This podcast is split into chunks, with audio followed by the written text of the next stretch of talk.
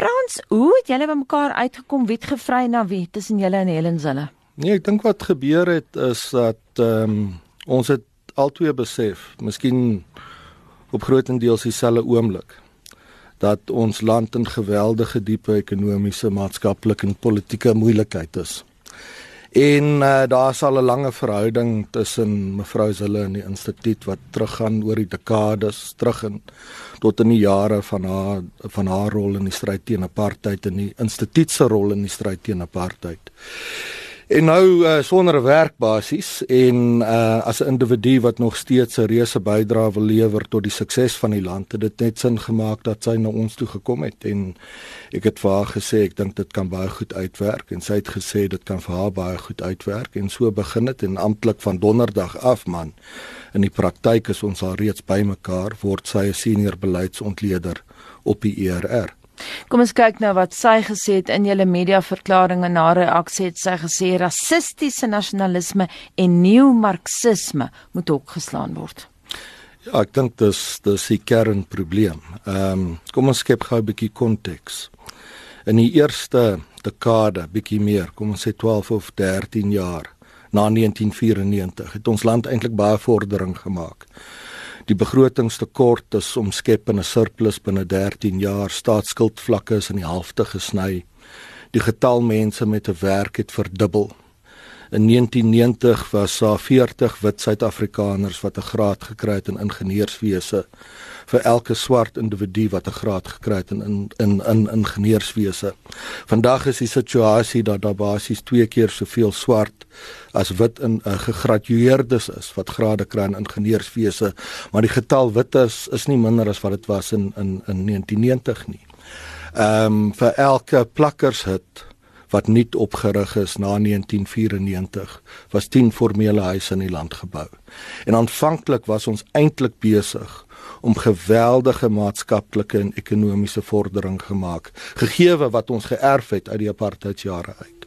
En ons was redelik goed op dreef. Dan in die middel van haar era verander alles. Taba en Bekkie sy rol kwyt in die ANC. Die hele ideologiese raamwerk waar binne die ANC regeer het, die raamwerk wat basies geskep was toe meneer Mandela te voorskyn gekom het op Davos in 1991 en gesê het ons gaan as land 'n pragmatiese beleidsrigting volg. Daai hele beleidsraamwerk verander. Terselfdertyd is kom meneer Zuma aan bewind en die korrupsie en die staatskaping en so aan dit kry nou baie momentum. En toe gebeur 'n derde ding, ons dryf daai twee tendense reg deur die globale finansiële krisis van 2009. En die drie goed gebeur basies binne 24 maande van mekaar en dis net te veel vir ons land en die ekonomie te trotseer. En die gevolge daarvan is hoogs negatief. Skuldvlakke, staatsskuldvlakke het meer as verdubbel oor die afgelope dekade. Die begrotingstekort is terug waar dit was aan die einde van die apartheidsera. Vir jaar sal ons land se ekonomie teen 0.5% groei, as dit so vinnig sal groei. Ontwikkelende markte reg deur die wêreld gaan teen 5% groei, 10 keer vinniger as wat ons gaan groei. En deel van die probleem is staatskaping en korrupsie en ons moet dit hokslaan. Hmm. En deel van die probleem was die globale ekonomie en dit lyk nou bietjie beter, maar ons het ons is baie onseker oor waarheen dit beweeg. Maar die derde probleem, die grootste deel van die probleem in ons skatting is die breë ideologiese raamwerk wat binne die ANC die land regeer. En as daai breë ideologiese raamwerk nie verander kan word nie, dan dink ons is dit nie moontlik dat ons land deur 'n dekade van ekonomiese en maatskaplike herstel kan beweeg nie. Frans op 'n praktiese vlak, hoe gaan julle hulle aanwend? In enige groot idee stryd of beleidsstryd of ideologiese stryd, die soort van 'n stryd waarin ons nou betrokke is. Is die wenner altyd die kant van die debat wat op die oomblik van die krisis die grootste invloed op publieke opinie gehad het.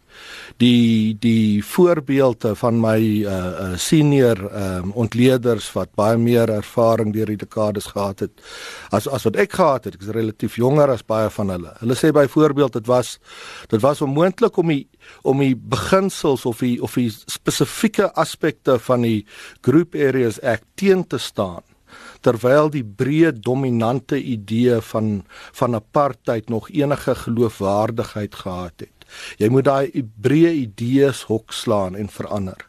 En op die oomblik sit ons in 'n samelewing in 'n land waar die breë idees in die rigting beweeg van die herverdeling van rykdom. As ons rykdom kan herverdeel, dan kan ons 'n meer gelyke en voorspoedige samelewing word. Ons sê dis die verkeerde breë idee. Wat nodig is is is groei en werkskepping. Die die idee staan dat hoër minimumlone sal op 'n manier help in die arbeidsmarkomgewing. Ons sê dis totaal die verkeerde benadering. Wat nodig is is om dit makliker te maak vir werkskeppers om mense in diens te neem. Daar's eh, op die op grond van ehm um, 'n uh, uh, grondhervorming is die breë idee dat ons onteiening kan gebruik Ons het heeltemal die verkeerde beginsel. Wat nodig is is om seker te maak dat al hoe meer mense toegang kry tot die beskerming van hulle eiendomsregte sodat hulle ook bates kan opbou. In die in die onderwysstelsel is die idee dat dat uh die die staat dat amptenare meer beheer kry oor wat op skoolvlak gebeur. Ons sê weer eens totaal in beginsel die verkeerde toenadering wat nou benadering wat nodig is is dat ouers en gemeenskappe volle beheer kry oor wat gebeur op op skoolvlak in die land self. En meneer um, mevrou Zille se rol is om ehm um, 'n massiewe invloed te hê op die idees wat ons in die breë samelewing indruk. In enige so tipe stryd, idee stryd, jy kan self sê politieke stryd, is wat belangrik is die kapasiteit om 'n magsbalans af te dwing.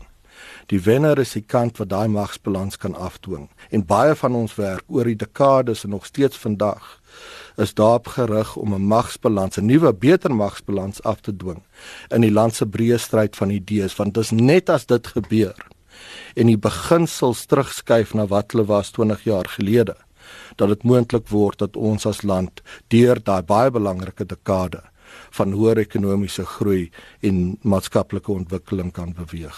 As jy pas ingeskakel het en wonder waaroor hierdie gesprek gaan, ek praat ver oggend met die uitvoerende hoof van die Instituut vir Rasse Aangeleenthede, Frans Cronje, en dit gaan oor die feit dat die voormalige premier van die Wes-Kaap en voormalige leier van die DA, Helen Zille, nou by die instituut aangestel is as 'n senior beleidsontleder.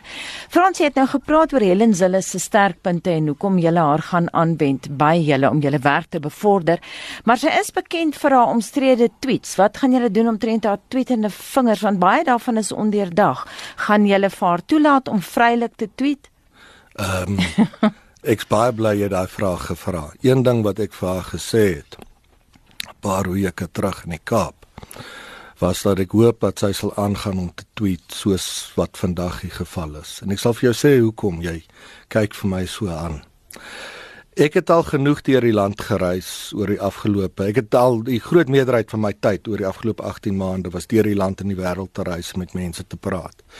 En my en my ontleeders het al genoeg meningspeilings tipe werk gedoen dat ek vir jou kan sê dat die groot meerderheid van mense in ons land stem in die geheel saam met wat hulle van mevrou Zala hoor. Daar is 'n klein groepie invloedryke ontleeders en en mense wat wat kommentaar lewer oor die land en in die media wat verskriklik teen haar uitvaar en sê dis onaanvaarbaar en sy kan dit nie sê nie en sy moet dit nie sê nie. Maar ek kan vir jou sê dat ons peilings wys maklik 7 uit 10 Suid-Afrikaners is wat ek sou beskryf as gematig tot konservatief in hulle sienings. Hulle besef dat ons land agteruit beweeg Hulle sien dat hulle lewensstandaarde besig is om te val. En hulle identifiseer ook die verstrengelende politieke korrektheid wat verhoed dat van die beleidskeuses wat daartoe gelei het tot daai agteruitgang aangespreek word. En ek dink dat een van die eienskappe van mevrou Zille wat ek die meeste waardeer is haar bereidheid om op te staan en te sê.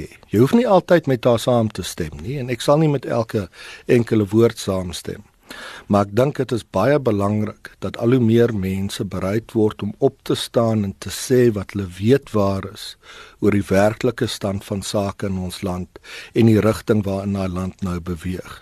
So ek sou hoop en ek sal vir haar aanmoedig om aan te hou om te sê wat sy weet waar is dat daar individue sal wees wat verskriklik teen ons sal uitvaar is iets wat ek verwag. Maar dit het al met ons gebeur oor baie dekades en dit bekommer nie vir my geweldig baie nie. Wat vir my bekommer is is ons idees. Idees waarin 'n groot meerderheid van die goeie hardwerkende wet en orde godsvreesende tipe Suid-Afrikaners wil glo. En terselfdertyd idees wat as hulle in werking gestel is as die onderbou van 'n nuwe beleidsraamwerk vir die land is die idees wat kan lei tot die ekonomiese en maatskaplike herstelproses wat weer eens nou so belangrik is vir die dekade wat voorlê. Kom ons praat 'n bietjie oor die instituut vir rasse aangeleenthede. Wat is julle rol binne die konteks van die regerende party en die DA se binnengevegte. Wel kyk, ons ons is nie 'n politieke groep nie. So ons raak nie betrokke in die interne politiek van van partye nie. Ons rol is dit wat dit nog altyd was en dit gaan terug tot die 1920s toe die organisasie geskep was. Ons is 'n onafhanklike beleidsgroep, 'n denkskram van soort. Ons rol is om 'n massiewe invloed te hê op die besluite wat geneem word in die land deur sakelei, deur politieke leiers, deur regeringsleiers en deur buitelandse regerings. En spesifiek om idees uh uh uh te dryf om beginsels te dryf wat identifiseer hoe belangrik eiendomsreg is byvoorbeeld nommer 1 nommer 2 die reg van die individu die gemeenskap om te besluit hoe hulle wil leef in hulle eie gemeenskap. Ehm um, nie rassige beleid is 'n kern 'n kwessie vir ons en om dit prakties te maak. Deel van mevrou Zille se rol sal wees om in te skakel by ons huidige veldtogte om onteiening sonder vergoeding stop te sit, om om rassebeleid te skrap en te beweeg na 'n nuwe beleidsraamwerk waar bemagtigingsbeleid byvoorbeeld gebou is op grond van die eintlike maatskaplike ekonomiese benadeling van arm gemeenskappe en daar's twee praktiese voorbeelde. Frans, ons het tyd vir nog een vraag. Hoe sien jy die huidige politieke milieu? Ons het nou bijvoorbeeld verlede week gesien hoe Moody's negatief gereageer het op die regering se hulp wat hulle nou gaan gee aan Eskom en so aan. Ek dink dat uh, die interne politiek beide binne die DA en die ANC uh, nou van so aard is die binnengevegte dat ehm um, dit onwaarskynlik is dat die oplossings vir die land se probleme uit die formele politieke stelsel gaan uitkom. En dis deels die rede hoekom die ERR vandag so geweldige groot poging aanwend en mevrou Zille is nou deel daarvan om daai beleidsinvloed te hê wat wat miskien sou mens hoop op 'n dag weer eens uit die politieke leierskap sal uitkom.